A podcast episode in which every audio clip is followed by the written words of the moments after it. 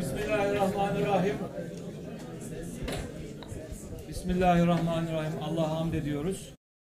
Sizlere çok teşekkür ediyoruz. Katıldığınız için bugün çok değerli bir misafirimiz var. Profesör Doktor Mehmet Gündüz Bey, Görmez Bey. Ee, Mehmet Görmez Bey ee, nasip olursa bugün gençliğin dünyası ve İslam konusunda sunumu olacak. Üstadım na- ee, lütfettiler bize üçüncü kez geliyorlar. Daha önce İslami ilimlerde usul geleneğini bahsetmişlerdi 2018 yılındaki programda. 16 Ocak 2019'da da görsel idrakin egemenliği ve idrak. Çok ahlak. Çok ilgi gördü. Şeyde sosyal medyada epey izlendi. Da böyle olacak.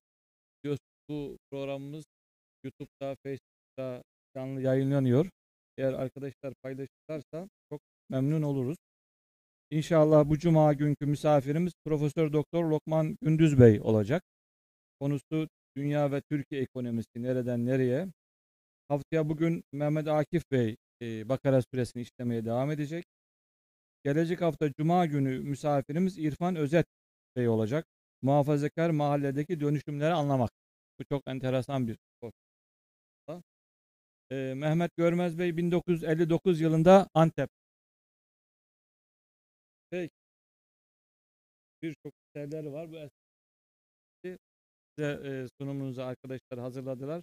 Kalbin Erbaini ve Gazali'de sünnet, hadis ve yorum kitapları dışarıda arzu edenler. Ee, gençliğin dünyası ve defa geldiniz. Buyurun.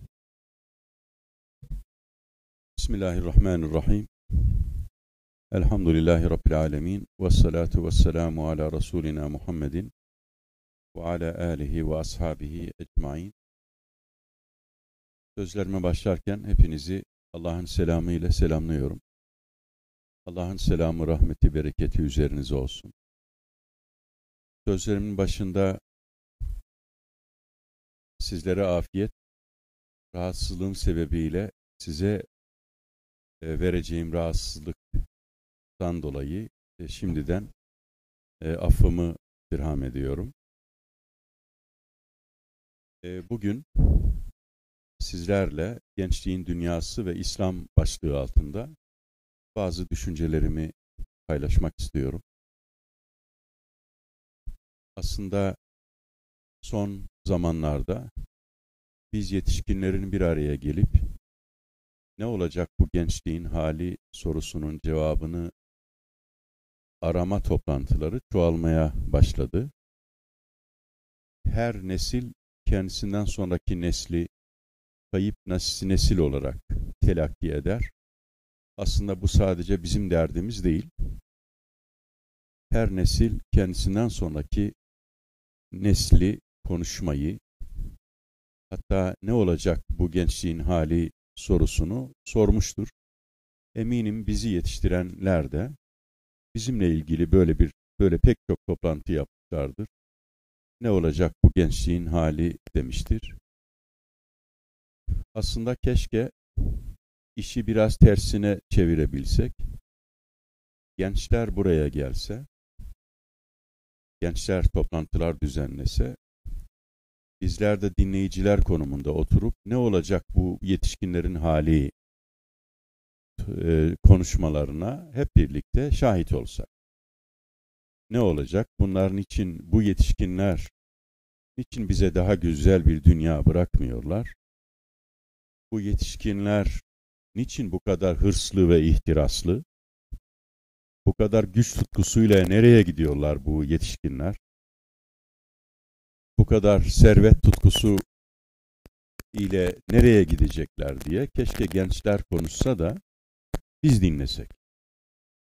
Dolayısıyla benim yapacağım konuşma evet gençlerin dünyası üzerinden bir konuşma olacak ama aslında aynı zamanda kendi dünyamızı konuşmuş olacağız. Ben toplantımızın, birlikteliğimizin, iman ettiğimiz hakikatlerin ihlas ve samimiyetle hayata geçirilmesine vesile olmasını Cenab-ı Hak'tan niyaz ediyorum. Çok değerli dostlar, kıymetli kardeşlerim, genç dostlarım. Tabii keşke böyle ayakta bekleyen dostlar olmasa daha rahat konuşacağım ama e, yapacağım bir şey yok. Peki. Ee, İslam dünyası ve e, bir, bir şey daha ifade edeyim. Yapacağım konuşma Türkiye özelinde bir konuşma değil. Bütün İslam dünyası üzerinden bir konuşma olacaktır. Hasbel kader, mümkün olduğu kadar Müslümanların yaşadığı her yerdeki önemli konuları takip etmeye çalışıyorum. Dolayısıyla e, İslam coğrafyası, İslam dünyası dediğimiz dünya, özellikle eş zamanlı olarak son 10 yılda bilhassa Arap Baharı'ndan sonra hızlanarak yeni bir ilhat hareketini tartışıyor.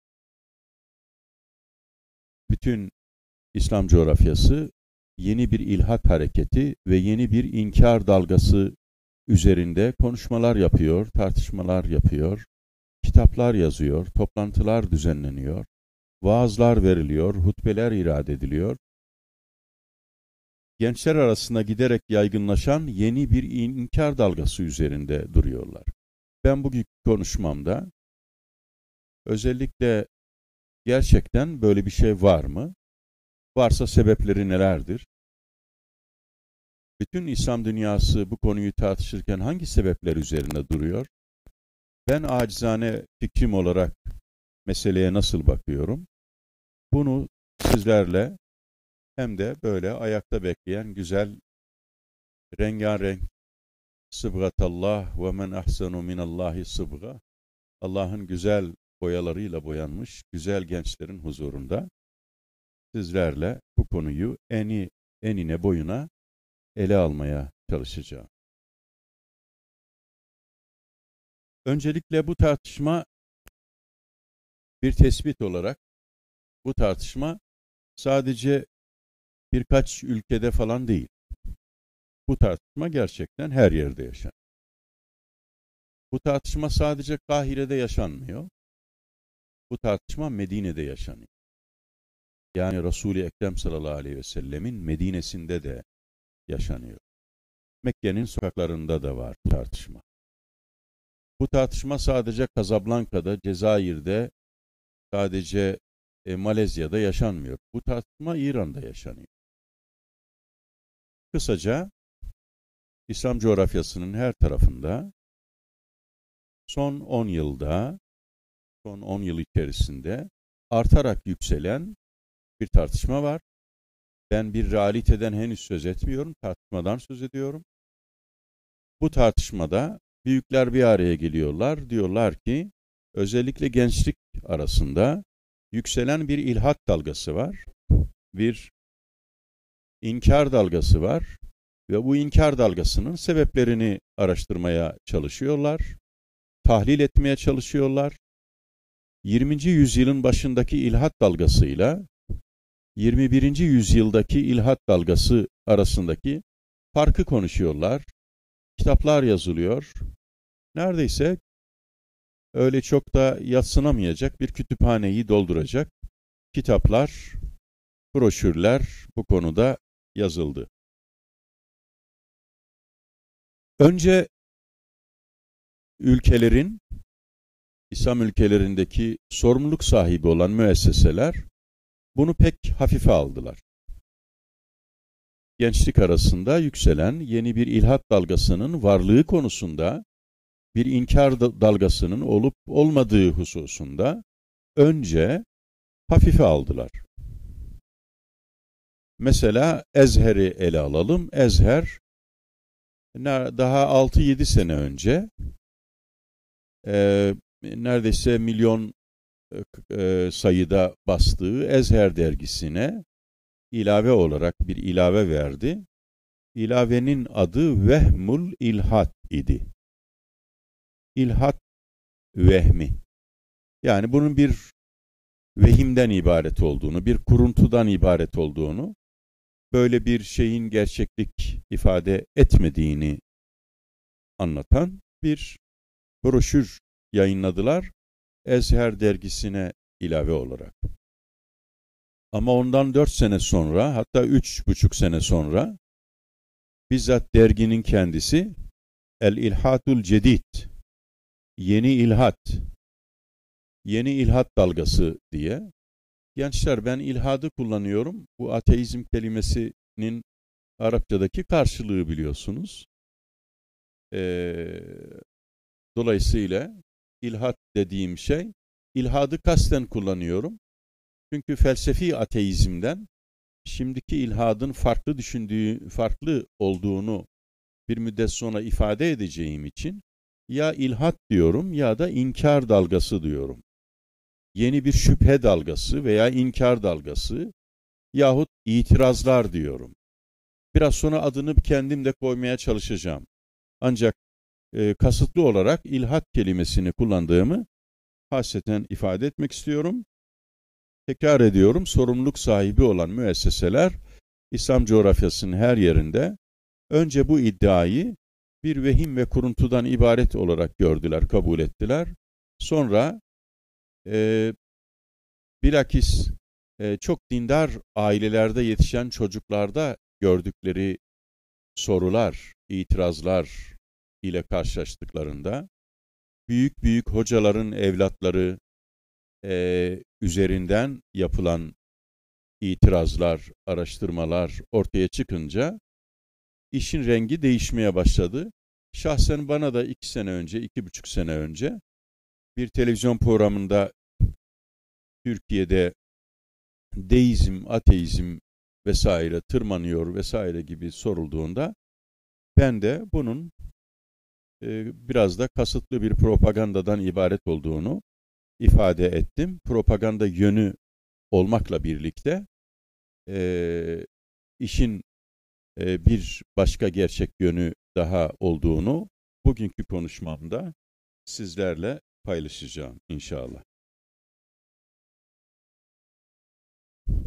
İnternetten El İlhadul Cedid başlığı altında Arapça küçük bir gezinti yaptığınızda binlerce makale, binlerce kitapla karşı karşıya kalıyorsunuz. Televizyon programlarıyla karşı karşıya kalıyorsunuz. Türkiye'de ise biraz da gecikmeli olarak gayri ciddi bir şekilde, çok çok ama gayri ciddi bir şekilde bir deizm tartışması yapıldı. Yapılmaya da devam ediyor. Çünkü ortaya çıkış şekli gayri ciddiydi. Sonra bir tartışma konusuna dönüştü. Oturup tahlil etmek yerine daha çok taraftarları olan bir tartışmaya dönüştü. Bu e, doğru değildi. Bu arada bir hususu daha ifade etmeyi e, yerinde görüyorum. Türkiye'de dini hayatımızla ilgili bazen yapılan e, kamuoyu araştırmaları, istatistikler, e, şahsen böyle bir kamuoyu araştırması ve istatistik ortaya çıkınca mutlaka tahlil etme ihtiyacı duyuyorum, e, önemsiyorum. Kendim de nöbetlerim, resmi vazifelerim esnasında 35 bin kişi üzerinden Türkiye'de dini hayat araştırması yaptırdım. Kendim de bizzat içinde yer aldım. Bizzat tahlillerini yaptım. O araştırma hala e, zannediyorum e, söz konusu kurumun e, sitesinde duruyordur yahut e, kitapçık olarak da bazılarınız görmüştür. Ancak bilhassa son bir yıl içerisinde zaman zaman televizyon ekranlarından dini hayatımız üzerinde, gençlerin e, din ile ilişkisi üzerinde e, ilan edilen bazı kamuoyu araştırmalarının tamamen masa başında hazırlanan, hiçbir gerçeklik ifade etmeyen e, araştırmalar olduğunu hasreten e, ifade etmeyi gerekli gördü, görüyorum. E, bunun da bilinmesini istiyorum. Henüz bizim elimizde ne İslam dünyasında ne de Türkiye'de üzerinde duracağım konuyu bütün boyutlarıyla ele alan ciddi bir araştırma söz konusu değildir. e, işte Gallup'un bir araştırması var. Konda'nın 10 yıl arayla yaptığı bir araştırma var elimizde. Pew Forum diye Amerika'da bir araştırma şirketinin hem Orta Doğu üzerinde hem de Afrika üzerinde, Kuzey Afrika üzerinde e, insanların din ile ilişkisini ölçen e, bazı araştırmaları var elimizde. Ama bu araştırmaların hepsini bir araya getirdiğimizde en azından sosyal medya üzerinden e, gençliğin ilgi alanlarını takip ettiğinizde farklı bir durumla karşı karşıya kaldığınızı e, görürsünüz. Ben bu e, konuşmamda e, özellikle bu araştırmalarda yani bu e, e, İslam coğrafyasında bu konuda yazılan bir literatür var. Bu literatür üzerinden bir değerlendirme yapacağım. Bu literatür bize ne söylüyor?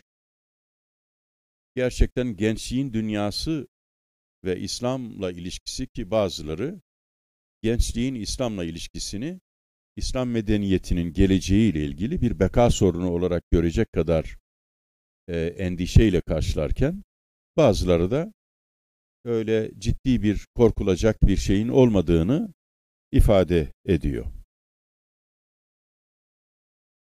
Şöyle hep birlikte bunun doğru olup olmadığını tespit etmek bakımından henüz tam konuya girmiş değilim. Bunun doğru olup olmadığını tespit etmek bakımından hepimiz zihnimizi yoklayalım. 90'lı yıllar ve 2000'li yılların en azından bir kısmında İslam coğrafyasının her tarafında dindarlık yükselen bir değerdi. Bütün üniversitelerde gençlik İslam'a, gençliğin gençlik arasında İslam'a bir yöneliş vardı. Ee, başörtüsü üzerinden yapılan eylemleri hatırlayın. O e, bütün Türkiye'yi kuşatan e, zincir eylemini hatırlayın. Tıp fakültesindeki kardeşlerimizden diğer bütün fakülte, fakültelerdeki gençlerimize kadar her birisinde e, İslam'ın yüce değerlerine yüksek bir yöneliş olduğunu hepimiz müşahede ediyor. Dolayısıyla 20 sene önce benim bugün size yaptığım sunum gibi bir sunum yapılamazdı. Çünkü e, durum bunun aksine e, her tarafta İslam'a bir yöneliş vardı. Aslında aynı şey Batı içinde söz konusu. Batı'da da e, İslam sadece İslam değil genel olarak dine bir yöneliş var. 1961 yılında Times dergisinin kapağı şöyle bir soruyla çıkmış. Ee, siyah bir kapak, kırmızı bir yazıyla Is God dead? Haşa, Tanrı öldü mü? İki yıl sonra, iki yıl sonra bir başka sayısının kapağı şöyledir. Is God coming back? Tanrı yeniden dönüyor mu? Hayata dönüyor mu? Batı dünyası son yüzyılda bu konuda dehşet bir gelgit yaşadı. 70'li 80'li yıllardan itibaren tekrar inanç değerlerine bir yöneliş oldu ve e, yavaş yavaş filozoflar, sosyologlar vesaire Tanrı'nın intikamı, Tanrı'nın geri dönüşü, hayata geri dönüşü, dinin geri dönüşü diye kitaplar yazmaya başladılar. Çünkü yüzyılın başında ki öngörüleri tutmamıştı. Yüzyılın başında, yüzyılın sonuna geldiklerinde dinin tamamen dünyada sona ereceğini ilan etmişlerdi. Ama bu olmadı. Farklı değerlendirmeler oldu. Burada Batı açısından 11 Eylül bir milat olmuştur. 11 Eylül'den sonra Batı'da sadece İslam nefreti gelişmedi. Topyekün dine nefret birlikte neşvünema buldu.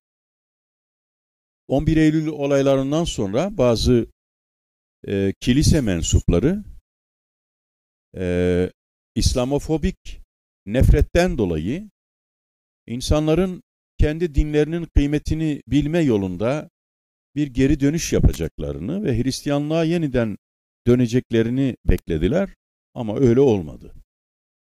Bilakis İslamofobik nefret batıda Hristiyanlıktan da başka dinlerden de nefreti arttırdı.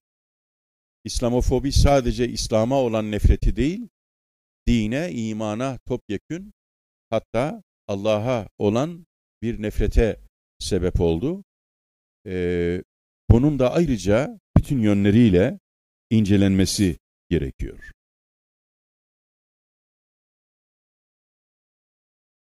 Yirminci yüzyılın başındaki ilhat dalgasıyla 20 21. yüzyılın başındaki ilhat dalgası arasında çok bariz bir fark var.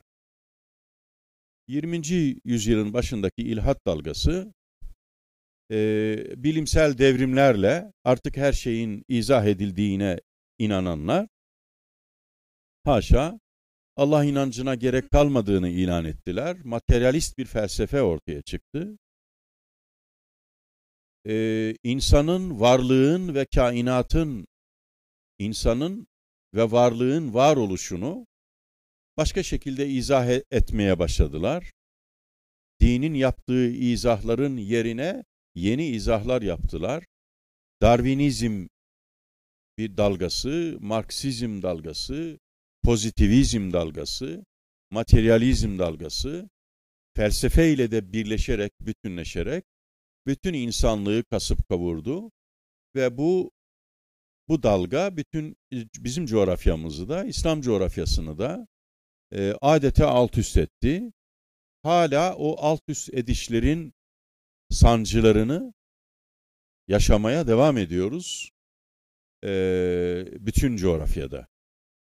Ancak sadece bu konu değil, 21. yüzyılındaki ilhat ise 20. yüzyılın başındaki ilhadı hepimiz biliyoruz. Şimdi yeni ilhat dediğimiz ilhat ise özellikle 11 Eylül olaylarından sonra daha farklı bir ilhat dalgasına dönüşmeye başladı.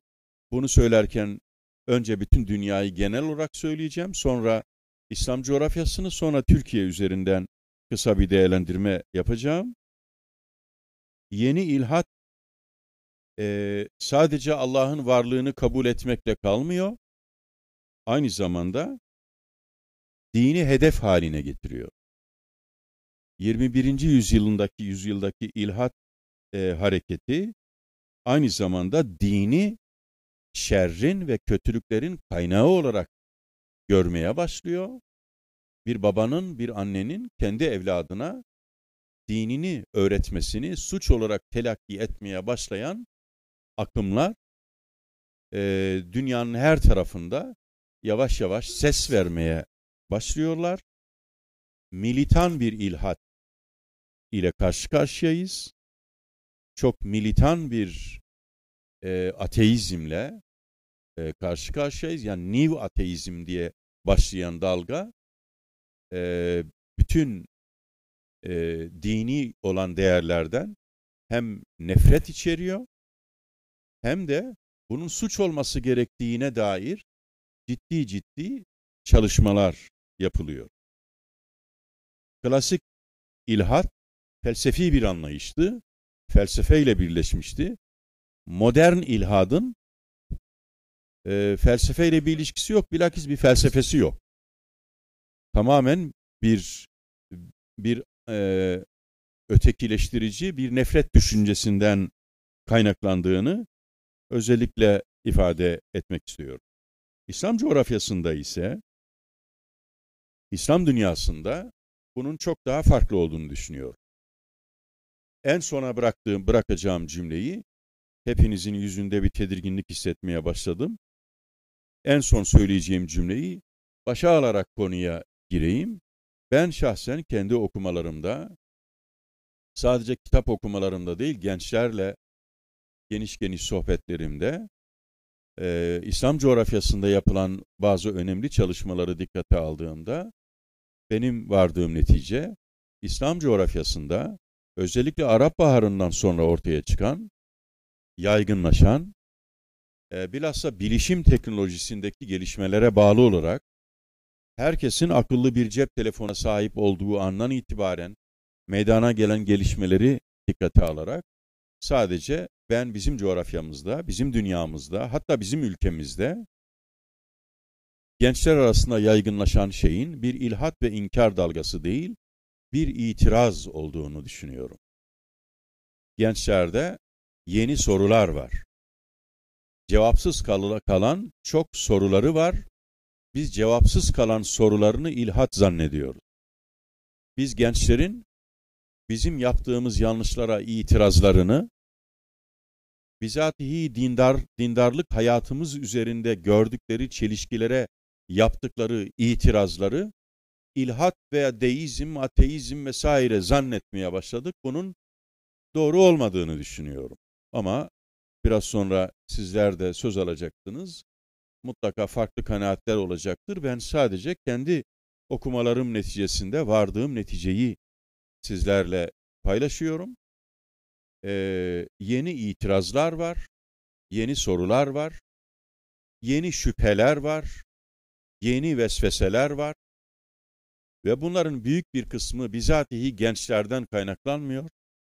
Bunların büyük bir kısmı yetişkinlerden kaynaklanıyor. Yetişkinlerin içerisinde de bunun büyük bir kısmı bizatihi dindar insanlardan kaynaklanıyor. Dindar insanların içerisinden de belki daha fazla hocalardan kaynaklanıyor desem hocalar bana kızmasınlar. Şimdi bu cümlemi, bu geniş cümlemi sizlerle e, biraz daha açmaya çalışacağım. Değerli dostlar, 20 kadar büyük sebep sayılıyor. Ben 20 sebebi böyle kısa bir konferansta tahlil edecek konumda değilim. Yani İslam coğrafyasında ilhadül cedid olarak adlandırılan, yeni ilhat olarak adlandırılan yahut e, yeni inkar dalgası olarak adlandırılan e, dalganın, gençler arasında oluşan bu dalganın e, sebepleri üzerinde yapılan araştırmaları topladığımda 20 civarında ciddi önemli sebepler var. Bu 20 sebebin altında da 100 kadar soru topladım ben. Yani bir hadisten kaynaklanan bir sorudan Hz. Ayşe'nin evlilik yaşına kadar olan bir soruya, Kur'an-ı Kerim'deki kıtal e, ayetlerinin tefsirinde yaşadığı bir sorundan, efendim, yahut Resul-i Ekrem sallallahu aleyhi ve sellemin hayatındaki bir meseleyi anlayamamaya kadar pek çok sorular var ayrıca. Gençlerin kafasında beliren sorular ve itirazlar. Ben bunların başına sıralamayı kendim değiştiriyorum.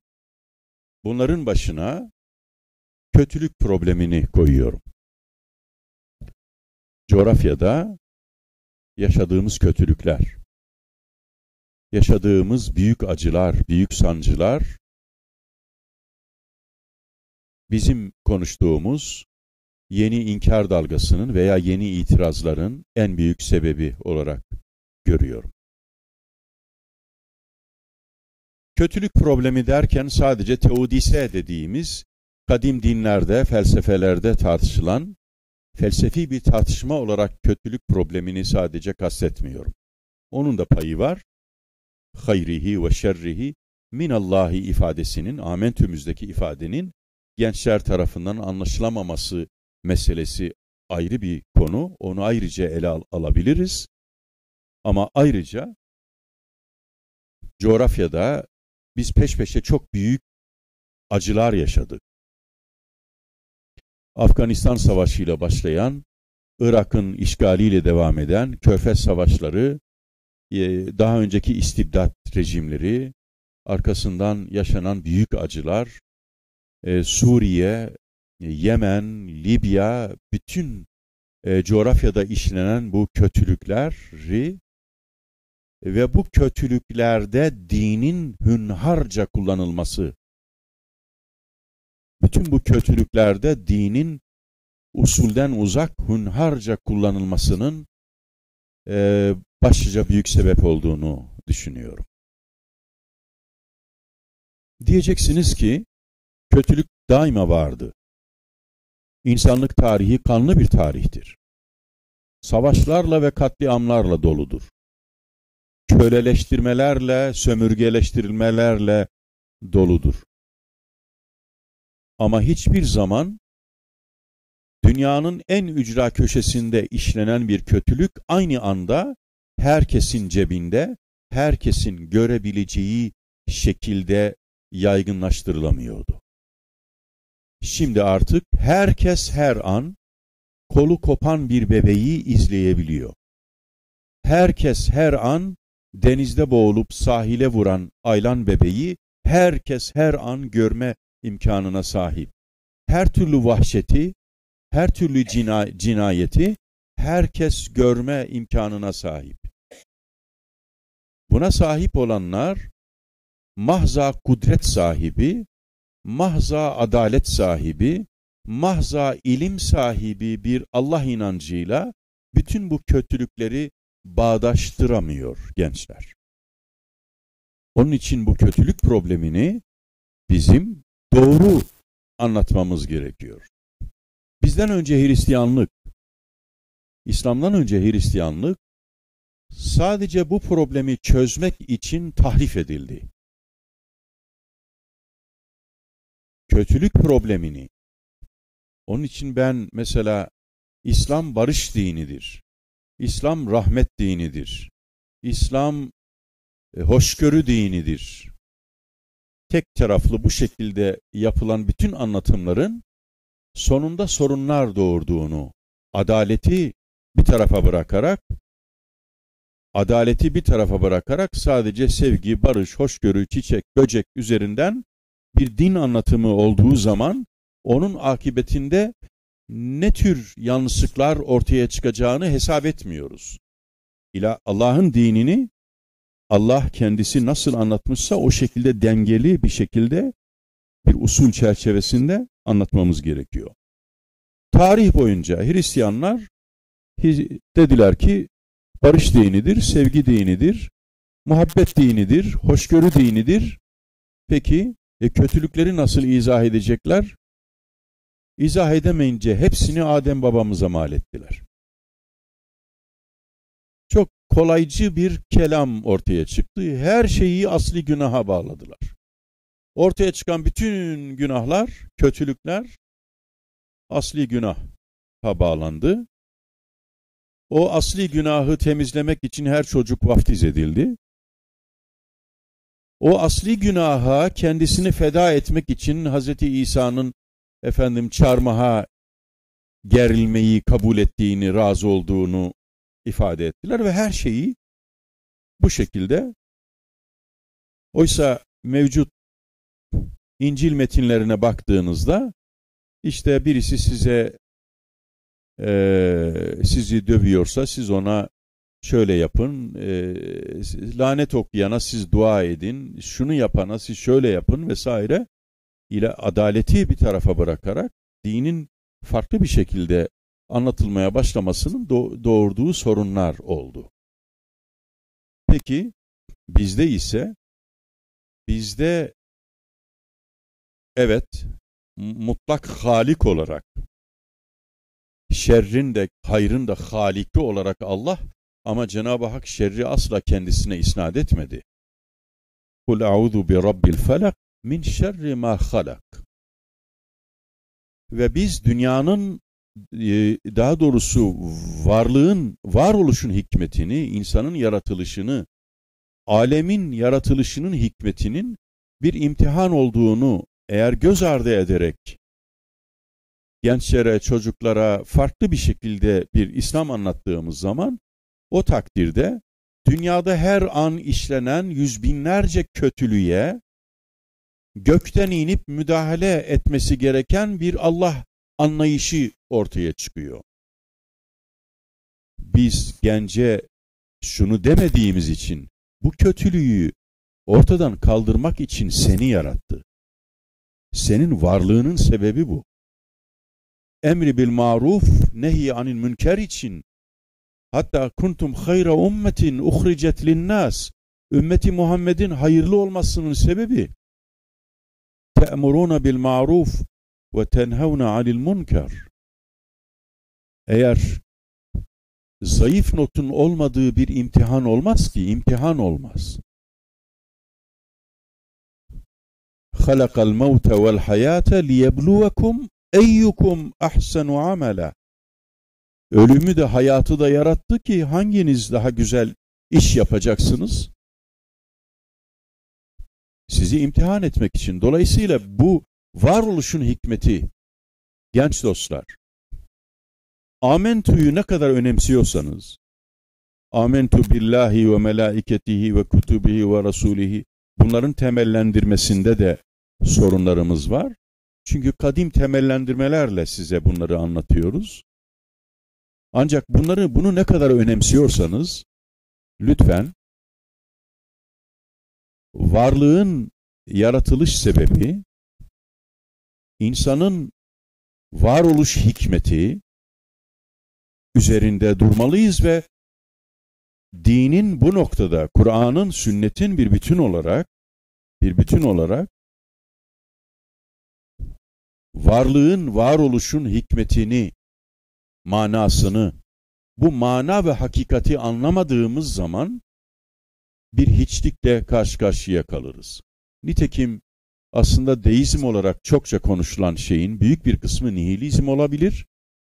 O da bu, bu gayeyi kaybetme, gayesizlik, anlamsızlık girdabına insanın düçar olması aslında bütün bunların en büyük sebebidir. Şimdi tekrar kötülük meselesine dönüyorum. Toplumların hayatında iki büyük yarayı kapatmak çok zordur. Bütün yaraları sararsınız ama iki büyük yarayı saramazsınız. Sarmakta zorlanırsınız. Biri vicdan yarası, biri de bilinç yarası. Vicdan yarasından kamu vicdanını kastediyorum. Kamu vicdanı yara alınca kamu vicdanını yaralayan şey adaletsizliktir, zulümdür. Kamu vicdanında açılan yaranın en büyük sebebi zulümdür. Toplumda işlenen haksızlıklar ve kötülüklerdir. Kamu vicdanında yara açılınca gençliğin de bilinci yaralanıyor. Bilinci yaralı olan gençlerin öfkesi eğer kamu vicdanında yara açan insan bunu din adına açmışsa, bunu dindarlık adına açmışsa, o takdirde bilinci yaralı olan gencin öfkesi şahıslara değil, şahısların inancına yöneliyor. Dindara değil, dindarın iman ettiği Allah'a yöneliyor. Ben bizim coğrafyamızdaki yeni inkar dalgası ister deyin, yeni itirazlar deyin, isterseniz ilhadi cedid deyin, ne derseniz deyin, yaşadığımız sorunların en büyük sebebinin bu olduğunu düşünüyorum. Dolayısıyla behemehal, behemehal bilhassa bütün bu kötülükler işlenirken, bu kötülükler işlenirken alimlerin taraf olması, hocaların taraf olması, her tarafı destekleyen ayetleri okuması, birinin birinin birisini desteklemek için ayetleri okuması, öbürünün başkasını desteklemek için ayetler okuması, dinin çok hünharca kullanılması, özellikle gençlerin dünyasında çok büyük yaraların açılmasına sebep oldu.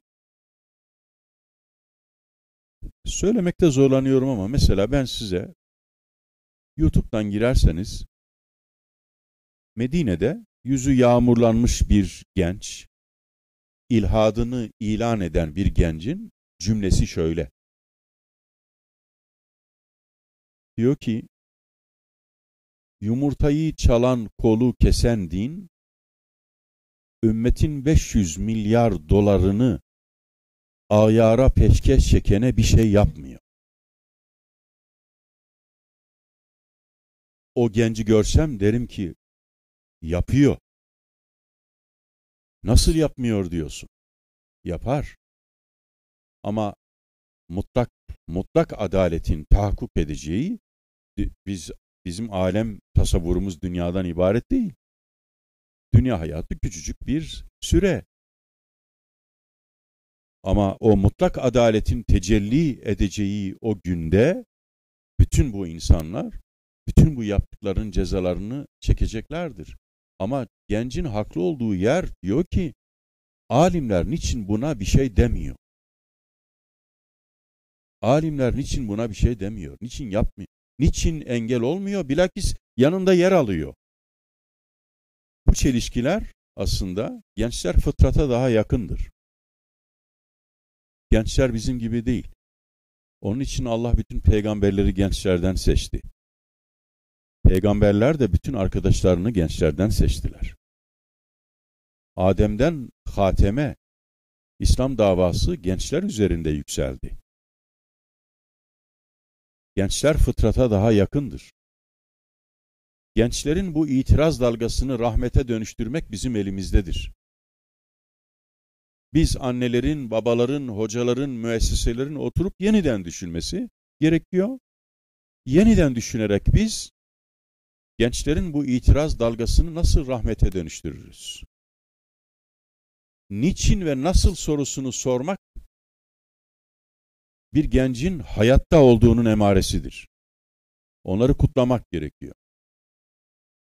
Gençler kendi dünyalarında bizim dünyamızı aşmak isterler. Yetişkinlerin dünyasını aşmak isterler. Onu dizginlemek yerine o bizi aşmalarına yardımcı olmaktır bizim vazifemiz. Hazreti Ali diyor ki, evlatlarınızı kendi zamanınızın örflerine ve adetlerine göre yetiştirmeyin. Gelecek zamanın adetlerine göre yetiştirin. Evlatlarınızı istikbale hazırlayın. Dolayısıyla bu itiraz dalgasını rahmete dönüştürmek için yeni bir seferberliğe ihtiyaç var hocaları, hocalar olarak anneler, babalar hepimizin yeniden dersimize çalışmamız gerekiyor. Bu birinci sebep. Biraz aslında bunun altında pek çok sorular var. Bu kötülük problemi. Kötülük probleminin e, efendim e, nasıl ilahi adaletle e, doğru orantılı olarak anlatacağımızı, Kur'an-ı Kerim'den ayetler var ama oraya giremiyorum. Kur'an'ı bir bütün olarak okurken e, Kur'an'ın bunu ne kadar dengeli verdiğine şahit olursun. Muhteşem bir uslubu var Kur'an-ı Kerim'in bu konuda. İkinci büyük sebep yanlış din tartışmaları. Ben burada bir önceki konuşmalarımda da zaman zaman değindim.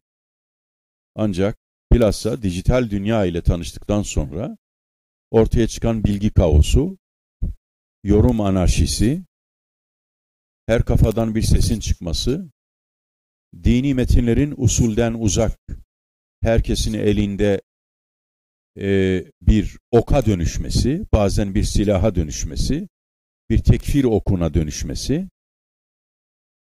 e, başlı başına büyük sebeplerden bir tanesi olarak karşımızda duruyor. Anlamsız, faydasız, beyhude din tartışmaları ve e, bu din tartışmalarında e, usulden uzak yaptığımız yanlış tartışmalar ayrıca gençlerin bilincinde yaralar açtığını e, göz ardı ediyoruz diye düşünüyorum. Bu o kadar çoğaldı ki yani duatul cudud diye bir fenomen konuşulur İslam dünyasında. yeni davetçiler. Ben sadece Mısır'ı örnek vereyim.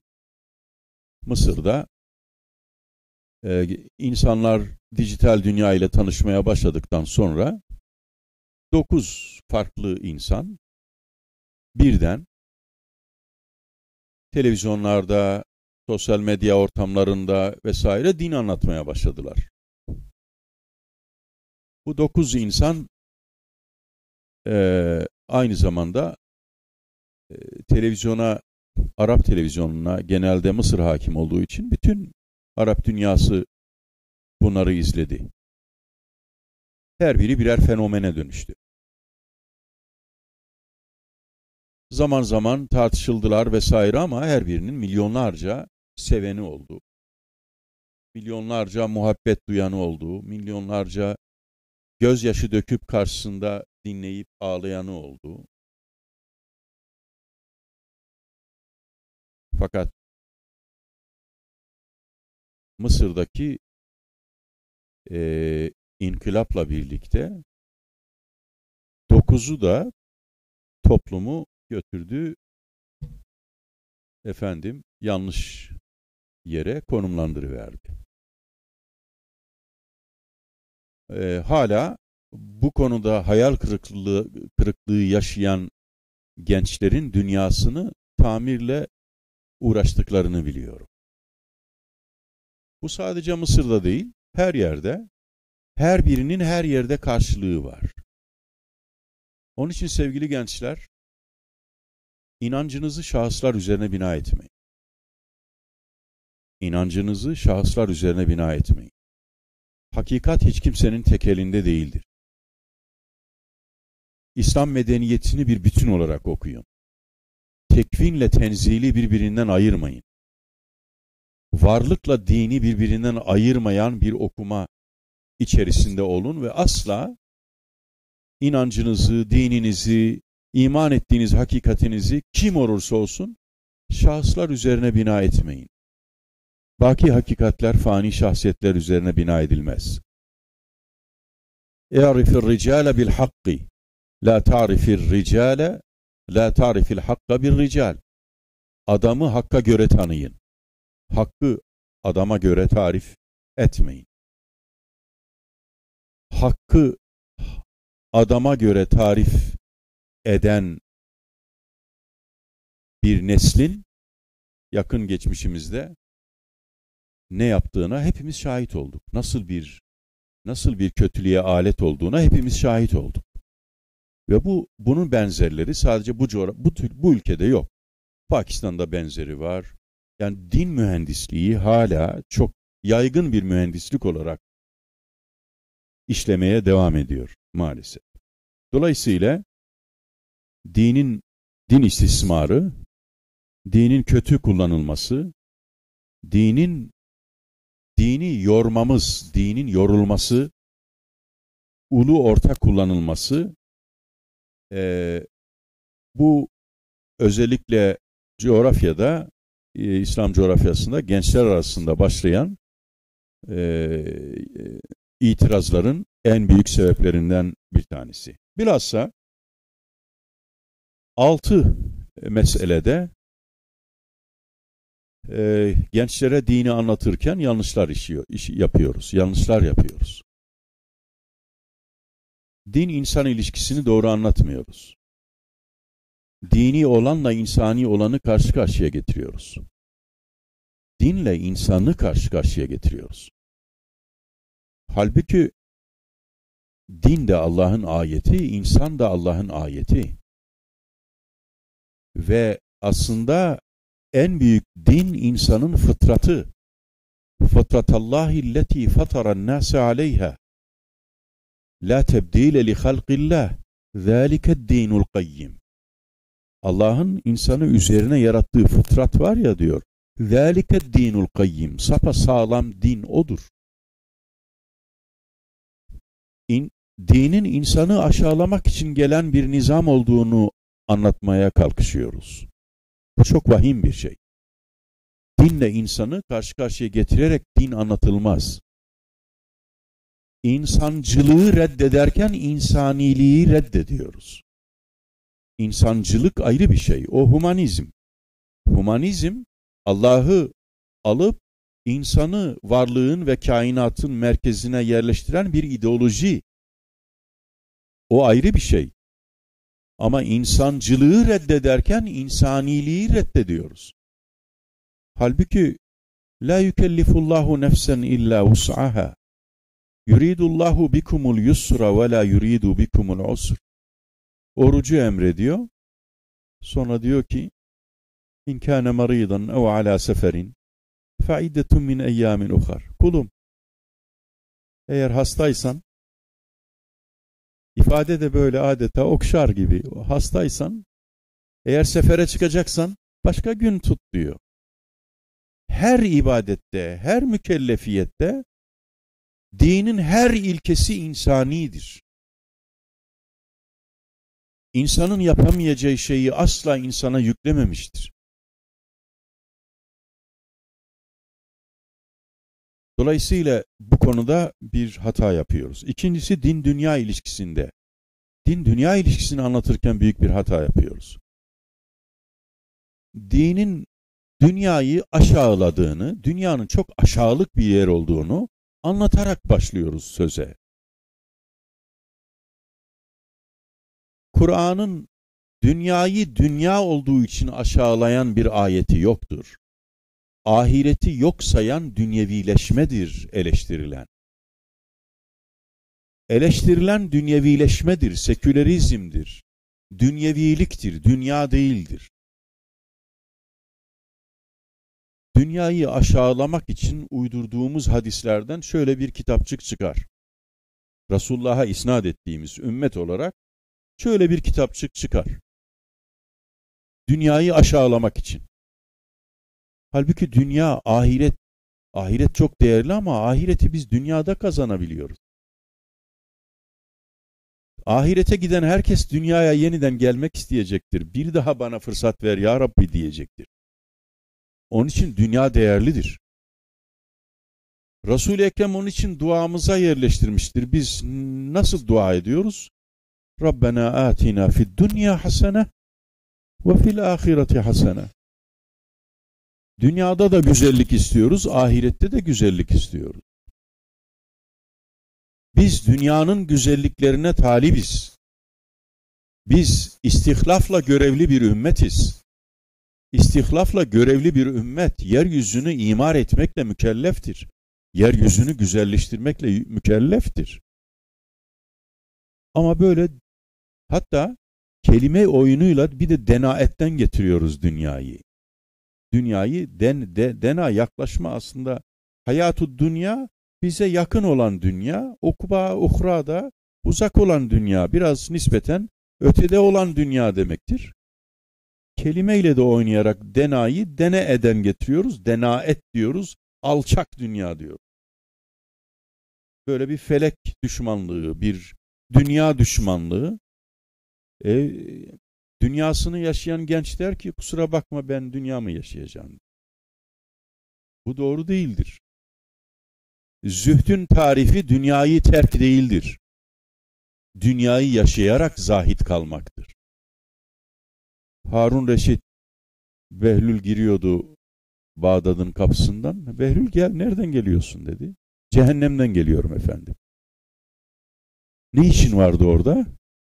Azıcık ateş lazım oldu da onu almaya gitmiştim diyor. Yani nerede ateş? Bulamadım diyor. Yahu Behlül cehennem olur da ateş olmaz mı diyor. Vallahi ben de merak ettim oradakilere sordum. Onlar dediler ki herkes ateşini dünyadan beraber getirir. Ali Şeriati der ki cennet tohumunu bu dünyada ektiğiniz bir bahçedir. Cehennem ateşini bu dünyadan götürdüğünüz bir ocaktır. وَقُودُهَا النَّاسُ وَالْحِجَارَةِ ayeti bunu doğruluyor. وَقُودُهَا النَّاسُ وَالْحِجَارَةِ اُعِدَّتْ لِلْكَافِرِينَ Dolayısıyla din dünya ilişkisi اَدْدُنْيَا سِجْنُ الْمُؤْمِنِ وَجَنَّةُ الْكَافِرِ Dünya müminin zindanı, cennetin, e, e, dünya müminin zindanı, kafirin cenneti. Bu hadisi biz Ben hadis hocasıyım. Hadisi anlarken bir önemli bir ilkem var. Risaleti rivayete feda edemem. Risaleti Muhammediye'yi bir rivayete feda edemeyiz. Resul-i Ekrem'den bize gelen sahih her söz bizim için mümin olarak başımızın üstünde yeri vardı. Ama biz anlarken Risaleti Muhammediye'nin ilkelerini göz önünde bulundurarak anlamak zorundayız. Onu ya doğru tevil edeceksiniz yahut da zahir manasıyla anladığınız zaman bir din kendi mensuplarına dünyayı zindan kılmak için gelir mi?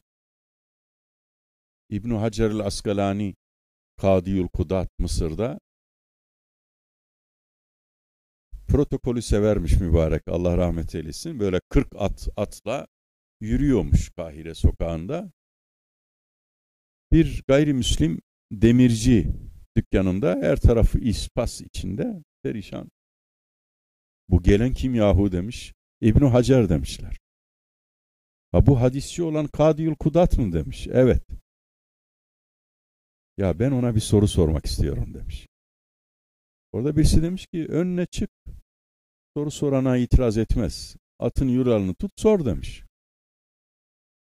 Üstü başı şey içinde öne çıkmış atın yuralını tutmuş demiş ki ya imam ben Müslüman değilim demiş. Ama duydum ki peygamberiniz Ed dünya sicnul mu'mini ve cennetül kafiri demiş. Dünya müminin zindanı, kafirin cenneti. Bir benim halime bak, bir de senin haline bak diyor. İbn Hacer diyor ki gideceğin yere göre sen cennettesin, ben de gideceğim yere göre zindandayım diyor. Tamam, böyle tevil edecekseniz tamam. Yani e, dinin topyekün dünyaya bakışını bu bu rivayetin lafsi manası üzerine bina edemezsiniz. Zaten bu yeni inkar dalgasının bir sebebi de literal din yorumları. Belki zaman olsa biraz sonra geleceğim. Üçüncü sebep yine din anlatımlarımızda üçüncü yaptığımız yanlış din akıl ilişkisi. Akıl nakil ilişkisiyle ilgili bizim medeniyetimiz bir literatür ortaya çıkardı. Herhalde hepsini bir araya getirsek muhteşem bir kütüphane olur. Ama maalesef biz bu literatürden istifade etmiyoruz. Akılla nakli karşı karşıya getiriyoruz. Akıl akıl nasıl Allah'ın bir ayetisi, ayeti ise nakil de Allah'ın bir ayeti. Vahyi reddeden akılcılığı reddetmek reddederken aklı reddetme konumuna düşüyoruz. Genç o zaman aklı tercih eder. O zaman aklı tercih eder. Rasyonalizmi reddederken, akılcılığı reddederken, aklı reddetmeye kalkışıyoruz. Gence diyoruz ki, aklını, vicdanını bir kenara koymadan, koy gel mümin ol. Halbuki aklını da vicdanını da ayağa kaldıracak bir iman dili lazım. Yeni bir bilgi lazım. Aklını kenara koymazsan mümin olamazsın. Tam Kur'an bunun tersini söylüyor. Ahirette diyecekler ki قَالُوا لَوْ كُنَّا نَسْمَعُ اَوْ نَعْقِلُ مَا كُنَّا فِي أَصْحَابِ السَّعِيرِ Eğer biz akletseydik, aklımızı doğru kullansaydık biz cehennem ehli olmayacaktık diyeceklerdir. Gazali'nin de Ragıp İsfahani'nin de kullandığı bir cümle var. O cümleyi ben kullansam pek çok hoca beni döver. Diyor ki El aklu el vahyu aklun minel hariç. El aklu vahyun minel hariç. Akıl e, vahiy dışarıdan Allah'ın insana verdiği bir akıldır. Vel aklu vahyun mined dahil. Akıl ise içeriden insanın Allah'a verdiği bir vahiydir. Bu az önce dostumuzun gösterdiği Gazali'de e, bu kitabın son kısmında İmam Gazali'nin çok güzel bir risalesi var. Tercüme ettim ben. Kanunu Tevil. Yorum kanunu. Onu da gelmiş birisi demiş ki e, Peygamberimiz Aleyhisselam bir hadisini anlayamıyorum demiş. Hangi hadisi demiş? İnne şeytane yecri minel insani mecreddem. İnsan, şeytan insanın damarlarında kanın dolaştığı gibi dolaşır diye bir hadis var. Diyor ki bunu anlayamıyorum diyor. Bu şeytan sıvı mı ki diyor damara girsin, kanla beraber dolaşsın vesaire diye garip sorular soruyor. O da diyor ki sana cevap vermek yerine bu tür hadisleri nasıl anlayacağına dair bir risale yazayım diyor. Oturmuş küçücük bir risale yazmış. Adı da Kanunu Tevil. Yorum kanunu. Sonra da diyor ki ya bunu önce hadisin Resulullah Ekrem nerede söylemiş onu bir bil diyor yani. resul Ekrem her hadisin bir evi var dostlar. Her hadisin bir evi var. O evinden çıkarıp evden ayrı olarak anlattığınızda sorun yaşarsınız. Eviyle beraber anlatacaksınız. Resul-i Ekrem sallallahu aleyhi ve sellem itikafta e,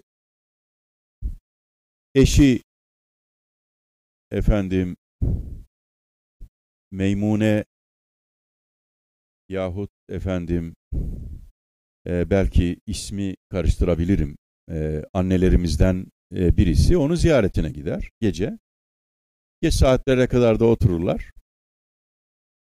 E, kaldığı ev biraz Medine'nin uzağındadır. Allah Resulü sallallahu aleyhi ve sellem de ben seni eve kadar bırakayım der gece yarısı. Gece yarısı eşiyle beraber giderken arkadan iki kişi Resul-i Ekrem'i fark ederler. Allah Allah Resulullah hem itikafta hem de bir hanım da hanımla sokakta takip etmeye koyulurlar. Resul-i Ekrem bir köşede eşinin elinden tutar Safiye. Evet Meymune değil Safiye validemiz. Ee, tam karşı karşıya kal kalırlar der, der ki onlara ben Muhammed İbni Abdullah Allah'ın Resulü bu da eşim Safiye der onlara. Onlara derler ki ya Resulullah senin hakkında kötü bir şey mi aklımıza gelecek ki böyle bir e, izah ihtiyacı duydun? Allah Resulü inne şeytane minel insani inne şeytane minel insani mecreddem. Şeytan insanda yecri inne şeytane yecri minel insani mecreddem. Şeytan insanın damarlarında kanın dolaştığı gibi dolaşır. Yani o onun verdiği vesvese, kötülük vesaire onu izah eder. Dolayısıyla kanunu tevil e, diye bir risale var burada. Şimdi din akıl ilişkisini doğru anlatmamız gerekiyor. Üçüncüsü, dördüncüsü din bilim ilişkisi. Aynı şekilde birisi Allah'ın kainata yerleştirdiği kanunlar ile Allah'ın insana gönderdiği kanunlar arasında bir çelişki olur mu? Olmaz. Ben en çok bu şeylere acırım. Bu Hristiyan din adamları 5 asır, 6 asır, belki daha fazla 10 asır kiliselerde bir varlık anlayışı anlattılar, insan anlayışı anlattılar efendim. Garip şeyler anlattılar. Onların anlattıklarına göre işte bütün kainat sabittir, ortasında dünya vardır, güneş sistemiyle beraber dünyanın etrafında dönüyor. Bunu hep Allah'a mal ederek anlattılar. Adam birisi küçük bir cam parçası icat etti. O cam parçasını mikroskop denilen alete taktılar. Adamların akide diye anlattığı 10 asır anlattıklarının hepsinin hurafe olduğu ortaya çıktı. Onun için bir din adamı konuşurken, din adamı tabiri de doğru değil, herkes dininin adamıdır. O da yanlıştır. Ama din adına birisi konuşurken bin düşünecek. Bin defa düşünecek. Onun için yani kiliselerde bütün papazların anlattıkları bir camın icadıyla, bir küçük merceğin icadıyla yok oldu. Sonra aynı camı bu sefer mikroskop dediğimiz şeye taktılar. teleskop değil mikroskop. Ee, o zamana kadar her hastalığın bir cinni ve şeytanı vardı. Ve herkes de gidip cin ve şeytan çıkarıp onlar bir de bunun karşında para alıyorlardı. Her hastalığın bir şeytanı vardı, bir cinni vardı yani. Ama onunla hepsini yok ettiler yani. Onunla bir küçük cam parçasıyla baktılar ki ha, dolayısıyla bu din bilim e, çatışması meselesi e, 20. yüzyılın başında da çok e, kötü kullanıldı. Bunlar tekvinle tenzili karşı karşıya getiren bir anlayış doğru değildir arkadaşlar. Tekvin ve tenzil ikisi de Allah'ındır. İkisi de Allah'ın kanunudur. Bunlar birbirinden ayrılmazlar. Onun için hep söylüyorum bizim medeniyetimizde ilmin dini ilimler ve dini olmayan ilimler diye tasnifi adeta medeniyetimizin intiharı olmuştur. Tefsire, hadise, fıkha, dini ilim deyip efendim matematiğe, fiziğe, kimyaya e, dini olmayan ilim şeklinde dışarıda tutmamız aslında medeniyetin intiharıdır. Halbuki tekvinle tenzili birbirinden ayıramazsınız. Onun için yani yedi sene e, bu Arap kardeşlerime yalvardım. Yalvardım. Bütün ulemaya yalvardım. Ya vallahi bak Allah buyuruyor ki وَالسَّمَاءَ رَفَعَهَا وَوَضَعَ الْمِيزَانِ وَالشَّمْسُ وَالْقَمَرُ بِحُسْبَانِ Güneşe, aya ben bir hesap yerleştirdim diyor. Bu ilim de bu hesabı bize artık gösteriyor. 10 sene, 100 sene sonra hilalin dünyanın neresinde, hangi saniyede görüleceğini siz artık biliyorsunuz. Buna güvenin. Yok dediler. Şimdi o Resul-i Ekrem Aleyhisselam'ın oğlu İbrahim'in vefat ettiği gün biliyorsunuz güneş tutulması yaşanmıştır. Hakikaten geriye doğru gittiğimizde o günü, o saati, o saniyeyi tespit edebiliyoruz. Dolayısıyla bu tekvinle ve te, tekvin ve tenzili karşı karşıya getirmek çok ayrıca ciddi bir sorundur.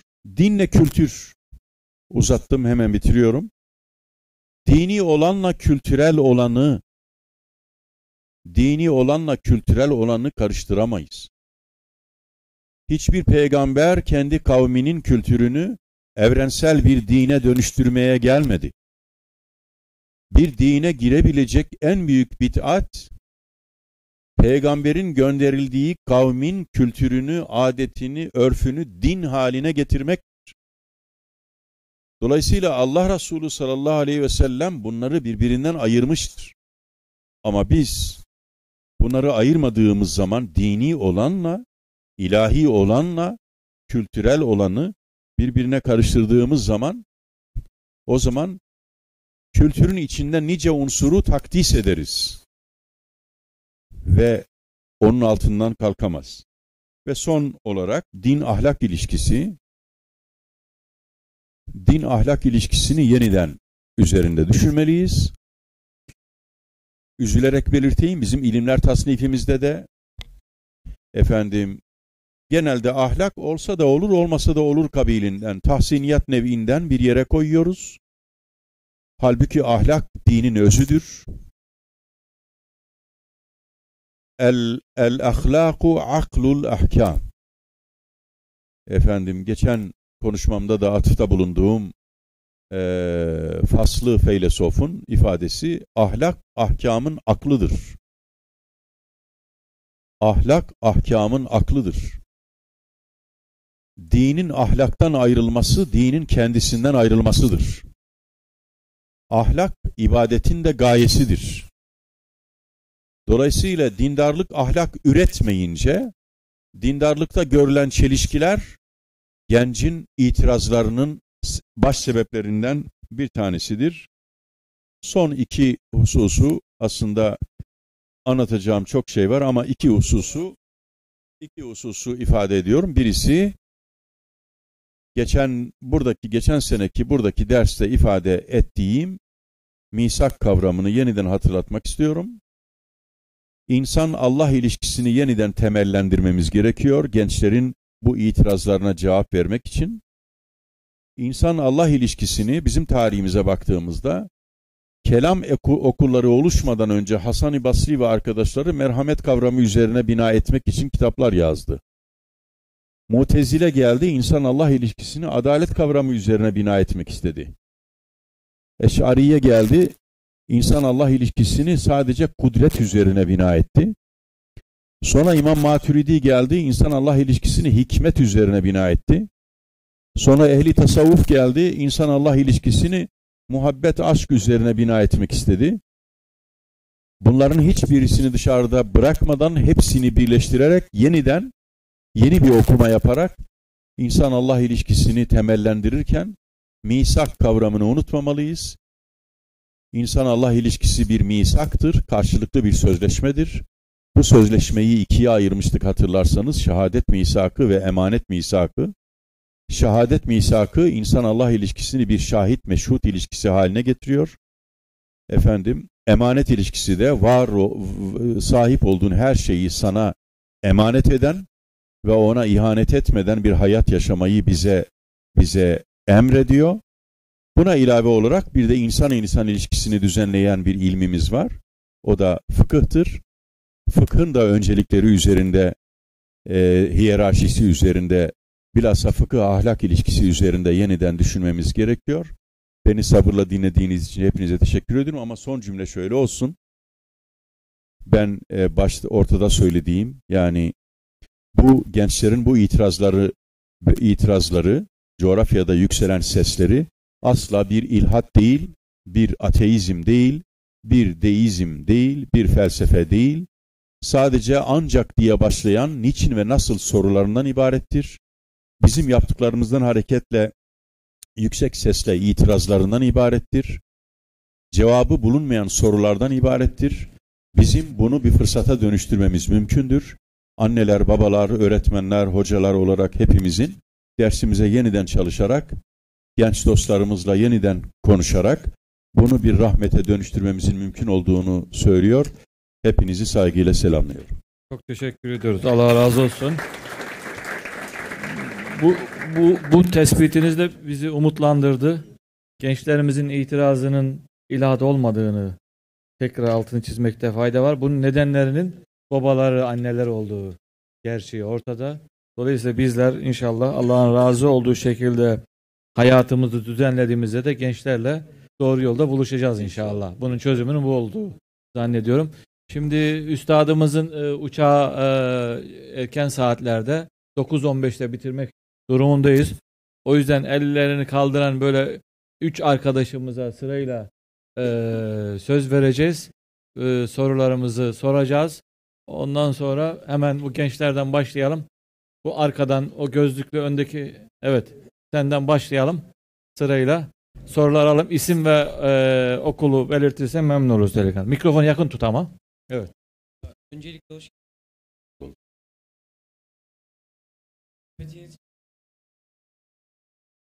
olacak. İmam-ı Azam'a göre e, şarap dışındaki sarhoşluk ver, vermeyecek düzeyde yani şarap dışındaki içkiler sarhoşluk vermeyecek düzeyde içilmesi caiz olarak adlandırılır. E, bu konu hakkındaki görüşleriniz ne? Ve Kur'an'da da e, ayette şarap özellikle geçiyor. İçki olarak geçmiyor kimi çevirilere göre, kimi çevirilere göre de şarap olarak geçiyor. Bu konu hakkındaki görüşlerinizi alabilir miyim? Evet. Başka, Teşekkür ederiz. Başka soruları alalım sonra So- cevap. öyle mi? Peki hemen. Şu, bu- bu- mikrofonu uzatalım buraya hizanızda. Evet. Ayağa Teşekkür- kalkarsan yakın tut mikrofonu. Evet. De Marmara İmam Hatip hocaları ve öğrenciler olarak katıldık proje İmam Hatip. E, sorum şu hocam. Gençlerin itirazı hangi noktada ilhada dönüşür? Yani bunun belirtileri nasıldır? Hem gençler kendilerini bu konuda tartması için hem de hocalar, büyükler olarak e, biz tedbir alabilmemiz için hangi durumda ilhada dönüşür bu itiraz? Peki teşekkür. Hemen arkana verir misin mikrofonu? Sağ arkana. Evet. Hocam Sinan için. E, Şimdi benim sorum siz e, bir dönem Diyanet İşleri Başkanlığı da yaptınız. Özellikle hani camilere gidiyoruz. Sürekli hocalarımız bize aklı selim olmayı göz söylüyor. E, Bunları davranışlarıyla belirtiyor ama İsminiz? Sinan Açın. Evet. Bir de hocam e, kalbi selim olmak. Hani kadim geleneğimize baktığımız zaman eskilerden bu gelenek hani ecdat da bu metodu izleyerek yol almış ama kalbi selim olmak, kalp üzerine olan eğitimlerde biraz yitik kaldığımızı ben düşünüyorum. Hani bu konularda üzerine de Evet. değinirsek. Teşekkür ederiz. Hemen yanına. Teşekkür Aktaş. Ee, hocam din konusunda yapılan yorumlar, verilen hükümlerde çağdaş dünyanın sorunlarına çok sayıcı çözümler e, pek getirilemiyor özellikle din konusunda. Acaba bir usul sorunu var mı? Siz e, en sonuna değindiniz ama biraz daha açabilir misiniz? Sorun konu. Teşekkür ederim. Son olarak da bu arkadaşa verelim. Yeter. Selamünaleyküm. Sağlık hocam. Efendim isim? Türkçe Mısır'dayım ben. Nasılsın? Ee, İsim. Amr, Amr Bakı. Amr. Amr. Evet. Türkçe ana dilim değil ama sorumu anlatmaya çalışacağım. Forsa Saide, Forsa Tayyip. Jazakumullah hayran. Siz de dediniz ki tabii ki yani dini hoca yani kişilerden ayırmamız gerektiğini yani dini adamlara göre değil adamlara dine göre değerlendirmemiz gerektiğini söylemiştiniz. Tabii ki Mısır'da örnek vermiştiniz. Şahit olduk. Türkiye'de benzer bir şey şahit Dinimizi mecburen hocalardan ve adamlardan almamız gerekiyor. Nasıl doğru bir şekilde kaynaklarımızı Ali Cuma'dan alma. Doğru. Teşekkür ederim. Evet.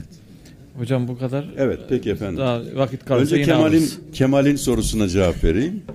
Ee, Kemalciğim, ee,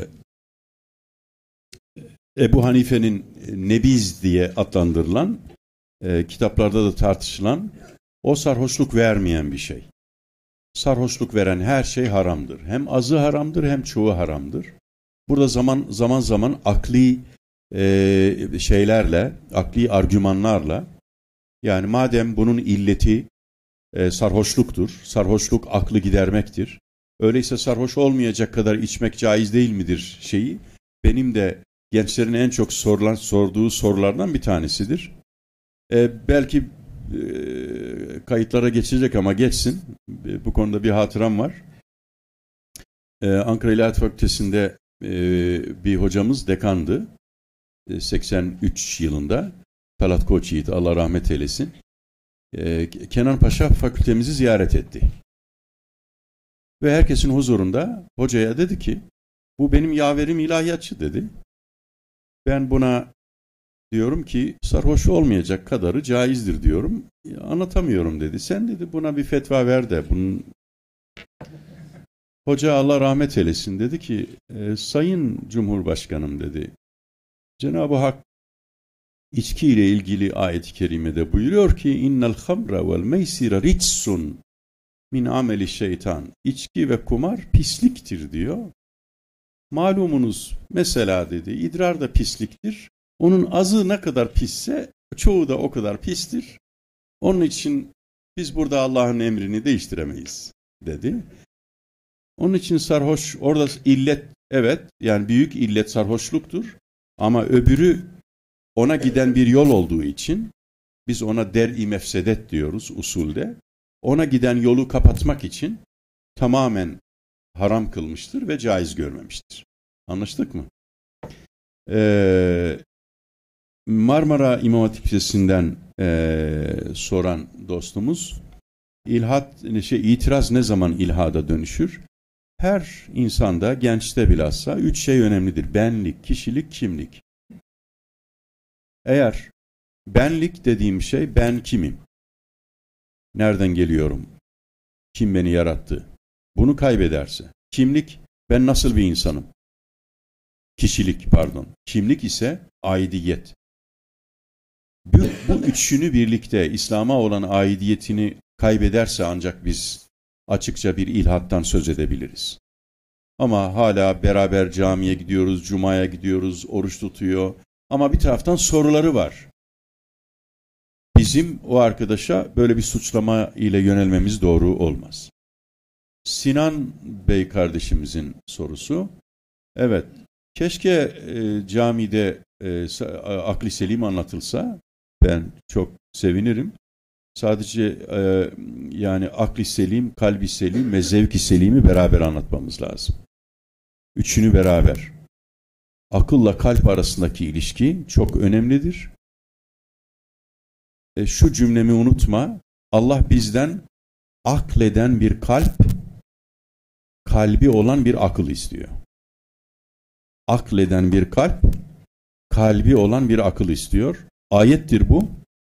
Efelem yesiru fil ard fetekune lehum kulubun ya'kilune biha. Yeryüzünde dolaşmazlar mı onlar? Ta ki akleden kalpleri olsun. Onun için akılla kalbi birbirinden asla ayırmamak lazım.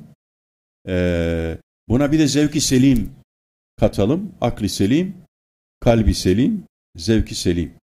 Seyfettin Bey'in sorusu çok önemli bir soru. Burada verdiğimiz birinci konferansa lütfen YouTube'dan bir bakmanı hocam. istirham ederim. Edeyim. Ancak şunu eee, söylemek isterim. Üzülerek belirteyim. Dijital dünya ile dünyaya egemen olan İslam anlayışı usulden yoksun bir anlayıştır. Daha adını koyayım, selefi bir anlayıştır. Ve selefilik her yerde, farklı şekillerde, selefilik dediğim şey nedir?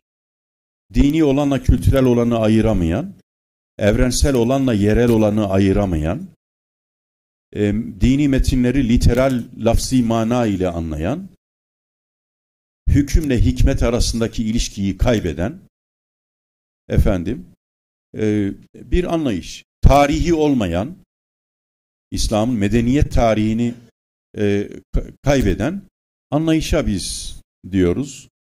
E, do- dolayısıyla evet e, bir bir usul problemimiz var E, ve e, onun için de acizane şimdi bir usul enstitüsü açtım ve onunla uğraşıyorum, çalışıyorum. Amr'ın sorusu e, ise yani bu hoca talebe münasebetini keseceğimiz manasına gelmez. Mutlaka hocalarımız olacak. Ama biz hocamızı hakikat yapmayacağız. Yani biz hocamız muallim olsun. Hocamız bizim hakikatimiz olmasın yani. Gassalın elinde meyyit olmayalım. Gassalın elinde meyyit olmak yoktur. Ee, aksi takdirde kirli kalabiliriz. Bizi yıkamayabilir yani. Kirli kalabiliriz. Onun için Allah Resulüne sahabe her zaman geldi ve dedi ki ya Resulallah bunu Allah'ın Resulü olarak mı söylüyorsun? Yoksa kendin bir kana görüşü olarak mı bana ifade ediyorsun? Bunları birbirinden ayırmalıyız. Muallim, muallim olmalı. Ona saygı duyarız. Gider ondan ilim öğreniriz. Ama hakikati onun üzerine bina edemeyiz. Başkalarından da istifade ederiz. Bir de bir şey daha. Onun için ben isim verdim. Ee, yani ilim amel gerektirir, amel de ihlas gerektirir. İlim, amel ve ihlası birleştiren insanlardan daha çok istifade etmeliyiz diye düşünüyorum. Hocam biraz vaktimiz var. Birkaç soru daha alabilir miyiz? Tabii ne demek? Evet o köşedeki hemen mikrofonu o baştaki arkadaş önce. Sana sana evet. Demin açıkta kaldı. Evet. Yakın tut mikrofonu. Ee, merhaba hocam. Ee, ben de Marmara Üniversitesi'nden geliyorum. Ee, ilk sorum olacak. İsim? Ahmet. Ahmet, evet. Ee, hocam bir ilim tasnifinde işte şer'i ilimler, e, akli ilimler, bu tasnifin birazcık sorunlu olduğundan bahsettiniz. Ee, nasıl bir tasnife yani çok basitçe anlatabilirseniz çok memnun olurum. Ee, bir de dediniz ki gençler artık e, bizim artık biraz e, gençler olarak biz arkadaşlarımız sıkıntıları olduğunda, dertleri olduğunda bizlere az buçuk biliyorsak soruyorlar. Ee, ayrıca bizim kendimizin de soruları oluyor e, bu konularda. Ee, onlara mesela ya şu hocayı dinle, şu kitabı oku dediğimiz zaman e, bazen zorlanabiliyorlar veya dinlemek istemiyorlar. İşte onların farklı özelliklerini söylüyorlar. Ee, kendi arkadaşlarımıza karşı nasıl bir tutum sergilemeliyiz? Mesela bir haksızlık uğramış e, veyahut bir sıkıntı yaşamış arkadaşımıza ne söyle, söyleyebiliriz? Ben bunu sormak istiyorum. Sağ. Teşekkür ederim. Hı. Hemen bu, bu efendiye mikrofonu uzatalım. Selamünaleyküm. Selahattin Yılmaz. Ee, hocam hikayelerle, hurafelerle, akla ziyan bin bir çeşit uçuk kaçık kerametlerle beslenen, milyonlarca da takipçisi olan, adeta bacasız fabrika gibi çalışan din sektörünün gençlerde oluşturduğu tahribat da bu konumuz içerisine girer mi? Bu konuda Bu soru değil. Bu 5 mesaj bu. evet Soru soralım. 5 lira verin Soruya geçelim. Evet, sorun bu konuda onu bitireceğim. Diyanet uyarılarını yeterince yapmıyor diye düşünüyorum. Bu konuda bizi bilgilendirebilir Evet, misiniz? teşekkür Niçin ederiz. Yeterli cevabı Hemen alamıyoruz. e, hocama verelim. Sonra da Evet, soru. Evet Sayın Hocam, e, din yorgunlarını ve dini yoranları yedek kulübesine nasıl alabiliriz? Teşekkür ederiz. Hemen Osman Fırat. Hocam siz bir ara demiştiniz ki işte Kur'an yarışmaları güfte yapılamaz.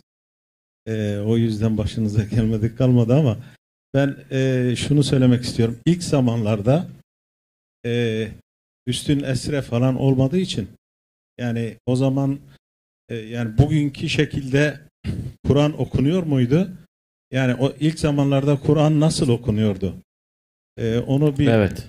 Teşekkür ederiz. Başka? Kapatıyoruz. Kerim hocama soralım. Hemen.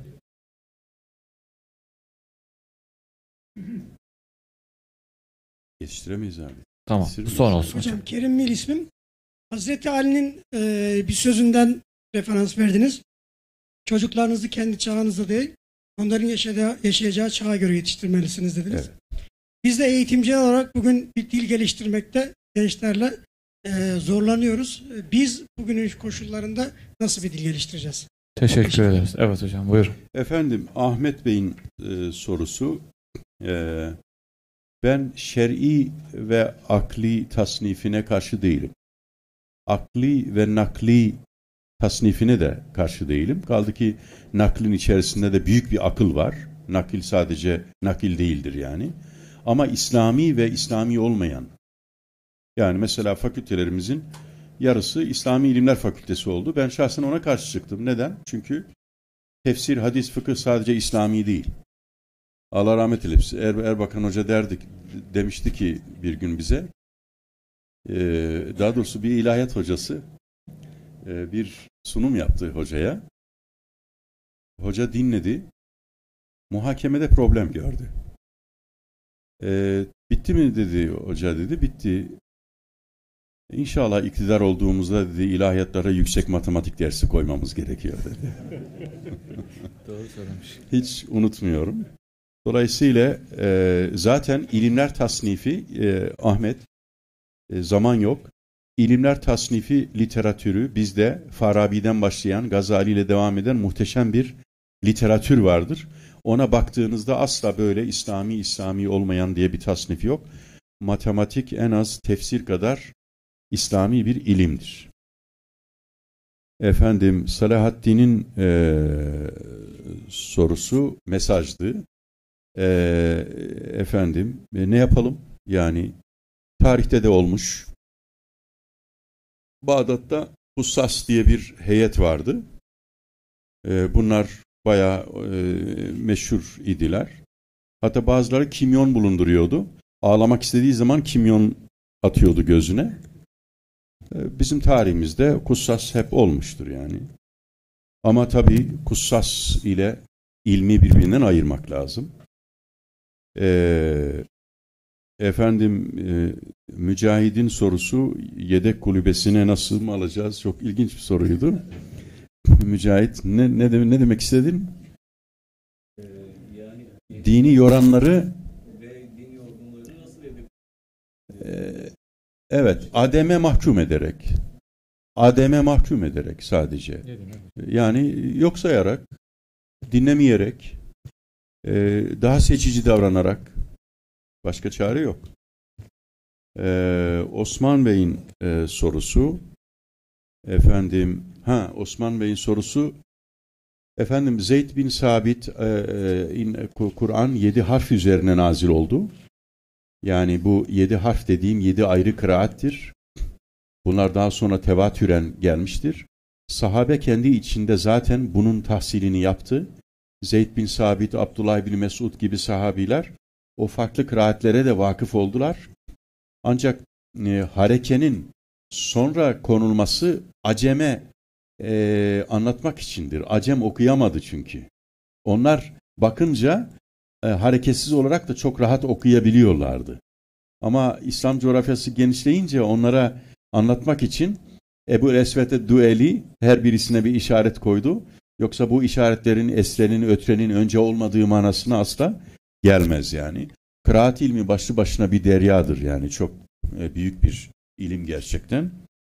Efendim eee, daha sonra Hazreti Ali eee, Gençlere Ben- nasıl bir dil? efendim evet Gençlere dil bulamıyoruz. eee, Kerim Bey. Kerim Bey sorun nasıldı? Ben kaçırdım.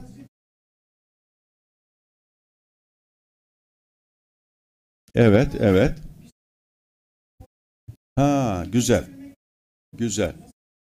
Bence bence yer değiştirin hocam. Gençleri hoca yapın, siz de biraz talebe olun. İnanın, inanın harika oluyor. Ben bunu deniyorum ve onlardan çok şey, çok şey öğreniyorum. Allah bu gençlerden razı olsun. Ya Kerim muhteşem. Bey de öyledir hocam. Evet yani şu haz ve hız çağında şöyle mümin olarak ayakta kalan bu her genç bir kahramandır. Onun için bence biz artık bu bilgi yükleme şeklindeki eğitimden vazgeçmeliyiz. Biz onları dinlemeliyiz. Karşılıklı sohbet ederek e, bir beraber bir şeyi inşa etmeliyiz yani. Biz biz onda bir şey inşa etmeye kalkışmamalıyız. Zaten bunlar özgürlüklerine çok düşkün. Bize de bu imkanı vermiyorlar zaten. Yoksa küsüyorlar. Bütün gençlerden Allah razı olsun. Hepinizi sevgiyle selamlıyorum. Teşekkür ediyorum hocam.